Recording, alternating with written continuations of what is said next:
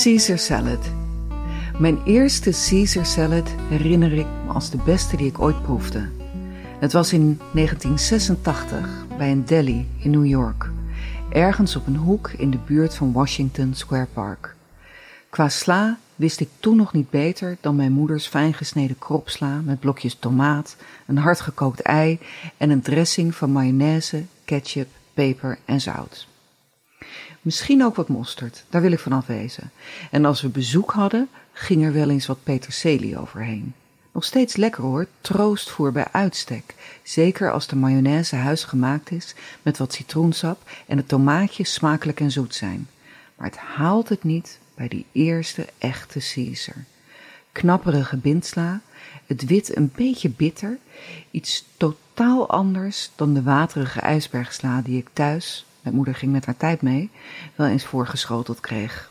Het umami van de parmezaan, een dressing waar ik mijn vinger niet op kon leggen en een lopend, gepocheerd eitje. Precies dat eitje was de sensatie. Ik heb naderhand met mijn vingers mijn bord afgelikt. Zoals mannen naar het schijnt hun hele leven hunkeren naar de moederborst, zo hunker ik sedertdien naar Caesar salad, the real thing. Eenmaal terug in Nederland bestel ik vaak de Caesar als die op de kaart staat, maar bijna altijd kom ik van een koude kermis thuis. Ik heb varianten geproefd met die verfoeide waterige ijsbergsla. Regelmatig ligt er een groen hardgekookt eitje op en verder vind ik verminkingen met tomaat, kappertjes, kurkdroge kip, te zoute anchovies of nog erger, bliksardines en spersiebonen. Een enkele keer staat hij op de kaart als Caesar met EA. En in Gent noemen ze hem Keizer salade. Waarschijnlijk in de veronderstelling dat er een link bestaat naar Julius, de Romeinse keizer. Die link is er niet.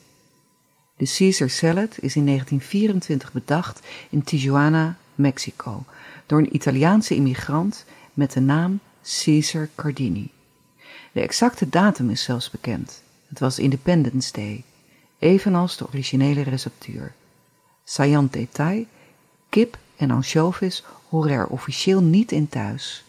Behalve dan de sporen anchovies uit de Worcestershire saus, die er weer wel in hoort. Omdat ik onafhankelijkheid en creativiteit aanmoedig, begrijp ik best dat variaties op de originele receptuur heel verfrissend kunnen zijn. Maar jongens, alsjeblieft. Een Caesar is nou eenmaal geen niçoise. En al helemaal geen garnituur voor op een Turkse pizzadeuner. Nou ja, het leven gaat bepaald niet over rozen. En juist daarom was ik zo gelukkig toen ik via rucola, ijsbergsla, spersiebonen en tomaat een aantal jaar geleden bij Pastis aanschoof en er een Caesar salad bestelde. Een groot wit bord met romanesla, uitbundig geknuffeld door een volle dressing, waar toevallig wel wat anchovies in zit, vers gebakken knoesperige croutons van luchtig brood, sappige, maar toch ook krokant gebakken stukken kippendij die rijkelijk gemarineerd zijn in knoflook en roosmarijn en het geheel royaal bestrooid met parmezaanse kaasvlokken. Bovenop dit volle bord sla pronkt een glanzend wit eitje, gepocheerd en een beetje platgezakt, wat doet vermoeden dat het precies zo zacht is als ik het graag wil. Vol hoop prik ik mijn vork in het eitje en ja hoor, het loopt.